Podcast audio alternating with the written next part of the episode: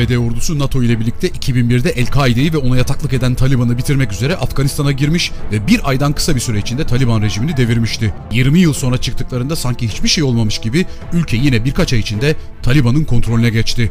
Bu video hazırlandığı sırada Taliban oluşan güç vakumundan faydalanarak başkent Kabil'i almış, daha 10 gün öncesine kadar kaçmayacağını söyleyen Cumhurbaşkanı Eşref Gani arkasına bile bakmadan Afganistan'dan ayrılmış ve sayısız Afgan ülkeden kaçmak için havaalanlarına akın etmekteydi. ABD ise arkada kalanlara ne olacağını umursamaz bir şekilde mümkün olduğu kadar hızla kalan son personelini ülkeden çekiyordu. 20 yıl boyunca oradaki koalisyona yardımcı olmuş, yol göstermiş, tercümanlık ve arabuluculuk yapmış, istihbarat ve destek sağlamış olan Afganların şimdi hayatı tehlikede. Yabancı güçler çekildikten sonra başlarına gelecekleri iyi bildikleri için akın akın göç ediyorlar. Çoğunun batılı yaşam tarzı ve dünyaya ilişkin gözü açılmış olduğundan kurmayı hayal ettikleri yeni hayatı Pakistan veya İran'dan ziyade Türkiye'de bulabileceklerine inanıyorlar. Türkiye onlar için her anlamda en optimum seçenek. Avrupa'dan daha yakın ve Avrupa sınırlarına kıyasla girmesi daha kolay. Zira hayatlarında deniz görmemiş insanlar için Avrupa'ya geçmeye çalışmanın hayati riski oldukça yüksek. Türkiye hem zamanında biraz batılılaşabilmiş olması nedeniyle Asya ve Orta Doğu'ya kıyasla daha modern, gelişmiş ve demokratik hem de batılı olmasına rağmen Müslüman olduğu için bir Afgan'ın görece en az yabancılık çekeceği yer. Muhtemel strateji ilk nesil için burayı bir başlangıç ve sıçrama tahtası olarak kullanmak. Çalışıp para kazandıktan, adres edinip gerekli izinleri ve belgeleri topladıktan sonra belki aile yakınlarını da getirtmek ve şansları yaver giderse siyasi dengeler sayesinde vatandaşlık almak ve sonra kim bilir ver eline Avrupa. Kuyruğu kıstırıp Afganistan'dan apar topar giden ilk süper güç değil ABD. Aynı senaryo 1979'da ülkeye giren ve sonra çıkmak zorunda kalan Rusların da başına geldi. 9 yıl sonunda hiçbir şey olmamış gibi ülke aynen yine böyle el değiştirmişti. Ruslardan da önce İngilizler 3 defa bu ülkeye girmiş ve kontrolü saldıklarını sanmışlardı. Peki nasıl oluyor da dünyanın en büyük orduları, en büyük ekonomik güçleri dünyanın en geri kalmış bölgesinde asla kesin bir zafer elde edemiyorlar? Bu videoda size Taliban'ı bitirmenin neden mümkün olmadığını izah edeceğim. Buyurun başlayalım. Öncelikle hemen belirteyim Afganistan'ın tarihi ve sosyal dinamikleri müthiş derecede karmaşık ve öyle birkaç dakikada sindirilebilecek bir şey değil. İç savaşlar mı istersiniz? Ateist bir devlet hedefiyle komünist devrim mi ararsınız? Çevre ülkelerle devamlı değişen ittifaklıklar mı dilersiniz? Yok yok. O nedenle meseleyi sınırlı ve özet tutacağım. 2001'den itibaren neler oldu? Önce ana hatlarıyla hızlıca hatırlayalım. 11 Eylül 2001 terör saldırısının hemen ardından Bush yönetimi Taliban'a El-Kaide liderini ve üyelerini teslim etmesi için ultimatom verdi. Bu talep reddedilince ABD ilk defa Kuzey Atlantik Anlaşması'nın 5. maddesinin uygulanmasını sağladı ve bu şekilde Ekim ayında NATO çatısı altında 2500 kişilik koalisyon güçleri Kalıcı Özgürlük adı verilen askeri operasyona başladı. Bir ay içinde Taliban rejimi yıkıldı ve yönetime Batı güdümündeki Hamid Karzai geldi. Bu olana kadar sadece 12 koalisyon askeri hayatını kaybetti. Nisan 2003'te 42 ülkenin güçlerinden oluşan Uluslararası Yardım Kuvveti ISAF'in de NATO'ya katılmasıyla birlikte Afganistan'daki koalisyon askerleri sayısı 18 bine çıktı. Bir ay sonra Mayıs 2003'te Başkan Bush büyük askeri operasyonları sonlandırdığını duyurduğunda toplam koalisyon zayiatı sadece 140 kişiydi. Takip eden 8 yıl boyunca koalisyon güçleri Taliban militanları ile farklı bölgelerde savaşmaya devam etti. Osama Bin Laden'in Pakistan'da öldürüldüğü Mayıs 2011'e gelindiğinde ülkedeki koalisyon askeri sayısı 130 bini, ölen yabancı asker sayısı da 2837'yi bulmuştu. Ekim 2014'te başta İngiltere olmak üzere ISAF güçlerinin ülkedeki askeri operasyonları sonlandırması ile koalisyon gücü de 44.500'e geriledi. Ve bir takvim içerisinde mücadelenin tamamen eğitilmekte olan Afgan ulusal ordusuna bırakılması kararlaştırıldı. Bu yıllar aynı zamanda IŞİD'in de kendini Afganistan'da göstermeye başladığı yıllar oldu. 2018'de ABD Başkanı Donald Trump Afganistan Savaşı'nı bitirme vaadinin aşama aşama uygulamaya sokulduğunu açıkladı ve bu süre zarfında Taliban yeniden ülkedeki çeşitli bölgeleri ele geçirmeye koyuldu. Ağustos 2018 itibariyle koalisyon askeri sayısı 21.600 ve koalisyon tarafından verilen zayiata toplamda 3.550'ye yükselmişti. Şubat 2020'de Trump Taliban ile bir barış anlaşması imzaladığında Afganistan'da 16.000 küsür koalisyon gücü kalmıştı. Ancak büyük saldırılar yaşanmaya ve askerlerin yanı sıra sivil kayıplar verilmeye de devam ediliyordu. Yeni ABD Başkanı Joe Biden'ın talimatıyla Eylül 2021 tam çekilme tarihi olarak belirlendi ve Temmuz itibariyle Afganistan'da 10 bine yakın koalisyon gücü kaldı. Bugünlerde koalisyon güçleri çekilmeyi tamamlamak üzere. Ülkedeki moralin bozulmaması için Afgan Ulusal Ordusu'nun toplam can kayıpları hiçbir zaman açıklanmadı. Ancak tahminler 70 bine yakın olduğu yönünde. 2001'den bu yana savaş nedeniyle hayatını kaybeden Afgan sivillerin sayısı da 75 binden fazla olarak tahmin ediliyor. Savaşın toplam maliyeti ise 2,5 trilyon dolara yaklaştı. Şimdi gelelim Taliban'ın nasıl olup da bitirilemediğine. Dünyanın sorunlu pek çok yerinde olduğu gibi burada da hikayemiz umarsız ve kendini bilmez bir İngiliz'in harita üzerinde kafasına göre çizgiler çekmesiyle başlıyor. Afganistan sınırları yabancılar tarafından belirlenmiş bir ülke. 35 milyon nüfusuyla ABD'nin Kaliforniya eyaletinden daha az sayıda insana ev sahipliği yapan bu ülke ondan fazla farklı etnik ve kültürel gruptan ve bu grupları oluşturan sayısız aşiretlerden oluşuyor. Bu grupların arasında Özbekler, Türkmenler, Tacikler ve Peştunlar sınır bölgelerinde yer alan gruplar. Peştunlar en kalabalık kesim ve tüm nüfusun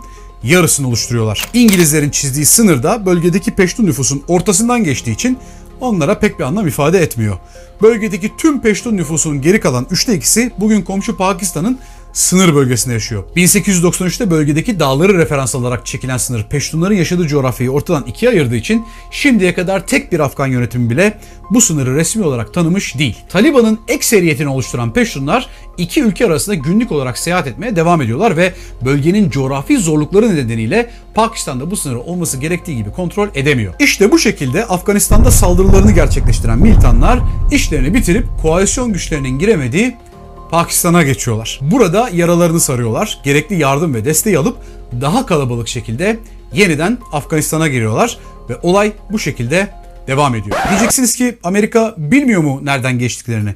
Oraya müdahale etsin. Bu çok dağlık ve uzun bir sınır. Üzerinde 235 kadar geçiş noktası mevcut ve üstelik bunlar sadece tespit edilebilmiş olanlar. Pakistan bu sınırın tamamına tel örgü çekmeyi ancak Haziran 2021'de yani bu videodan sadece 2 ay önce bitirebildi. Bu şekilde sadece 16 nokta yasal geçiş yeri olarak tanzim edildi. Ne var ki bu tip şeyler sınırların aşılmasını tamamen engelleyebilecek adımlar değil. Sınırdan militanlar, cephane, uyuşturucu her şey kaçırılıyor. Bu nedenle dünya üzerindeki en tehlikeli sınır olarak da kabul ediliyor. Bu geçiş noktaları arasında en stratejik olanı yine Pakistan sınırındaki Hayber geçidi. Bir ara koalisyon gücü için gerekli olan tüm malzemelerin %80'i ve aynı zamanda Taliban güçlerinin de büyük bir kısmı bu hat üzerinden Afganistan'a giriş yapıyordu. İki tarafta kendi kullandığı geçidi kullanılamaz hale getirmeyi uzun süre göze alamadı. Ancak bir ara buradaki çok kritik bir köprü Taliban tarafından havaya uçurulunca geçit çok uzun bir süre işlevsiz kalmıştı. Geçitler neden ABD içinde hayati? İşte bu da Afganistan'ın kontrolünü zor kılan bir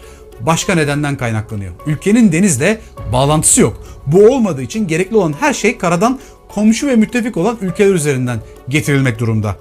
Diğer alternatif havadan getirmek ama uçak savar ve roket atar gibi ağır silahları kullanabilen bir Taliban karşısında riski de maliyeti de daha az olmuyor.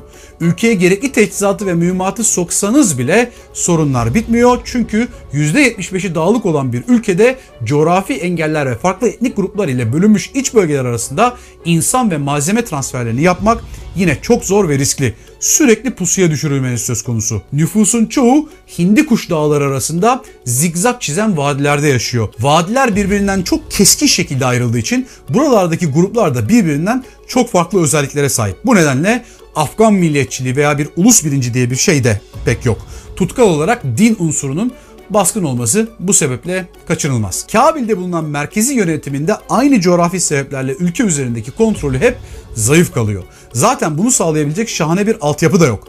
Yaptığınız yollar köprüler de hemen kolayca sabote ediliyor ve kullanılamaz hale getiriliyor. Bununla birlikte tank, askeri zırhlı araçlar, askeri jipler vesaire ne kadar gelişmiş olurlarsa olsunlar Taliban savaşçılarını dağlarda bir noktadan sonra takip edemiyorlar. Yabancılar bölgeyi oranın yerlisi kadar da bilemediği gibi havadan izleme ve bombalama da çok işe yaramıyor. Çünkü Afgan savaşçıların Rusya ile mücadeleleri zamanından bu yana kullandıkları taktikler var.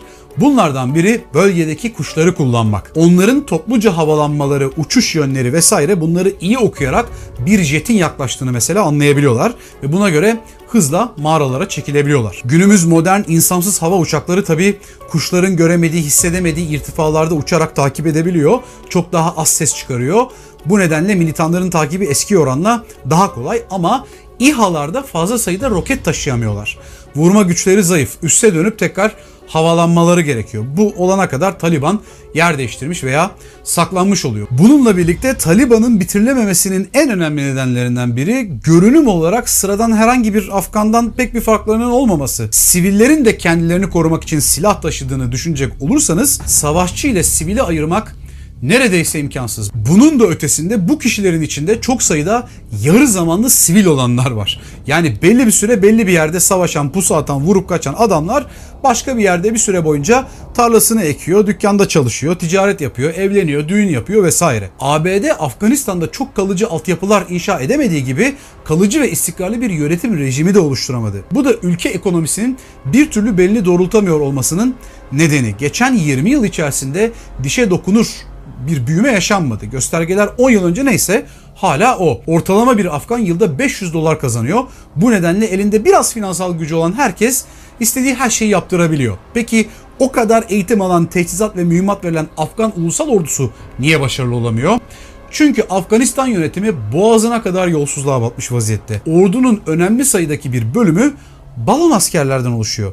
Yani NATO ve ABD'den askeri fonlar almak için şişirilmiş rakamlar. Biraz önce bahsettiğim ekonomik durum nedeniyle var olan askerlerin aklını çelmekte bu nedenle çok zor olmuyor. Ülkede Taliban'a direnmeye devam eden bölgeler genellikle merkezdeki büyük şehirlerin olduğu vadiler. Buralarda da Türkiye, Farsi ve Moğol etnik kökenden gelen ve nüfusun %10'unu oluşturan Hazaralar bulunuyor. Peki bu Taliban nereden çıktı? Neden bu kadar fanatikler? O dönem Sovyet ordusu Afgan usulü gerilla direnişiyle başa çıkamadığı için bugün olsa rahatlıkla tüm dünya tarafından soykırım olarak nitelendirilecek stratejiler izledi. Sivil veya değil ayrım gözetmeksizin kırsal kesimleri ve köyleri havadan bombaladılar. Hayvanları bile bombaladılar ki gıda stokları bitince tüm Afganlar Rusların kontrolü altında olan şehirlere gelmek zorunda kalsın. Her yere oyuncak mayın adı verilen küçük patlayıcılar bırakıldı. Özellikle çocukların bulması için. Bunların amacı öldürmek değildi. Sadece kolu bacağı parçalayıp sakat bırakmaktı ki sakatlarına bakmak zorunda olan aile üyeleri sert bir direniş gösteremesinler. Öyle istedikleri gibi sağa sola hızlı gidemesinler. O dönem 1 milyon Afgan öldürüldü. 6 milyon Afgan da İran ve Pakistan'a kaçtı. Kaçan nüfusun çoğunluğunu da kadınlar ve çocuklar oluşturuyordu. Erkekler savaşmak için geride kaldı. İşte o yıllarda Sovyetlerin acımasız taktiklerinden kaçan o çocuklar Pakistan'da mülteci kamplarına yerleştirdiler. O kamplarda başlarında bir baba figürü olmadan büyüyen çocukların, gençlerin kendilerine gösterilenden başka hiçbir çıkış yolu yoktu. O yol ne miydi? Afganistan sınırında kurulmuş olan 2000'den fazla Pakistan medresesinde eğitim almak. 220 bin Afgan gencin bu medreselerin tedrisatından geçtiği tahmin ediliyor. Ama buralarda sadece körpe beyinler yıkanmadı.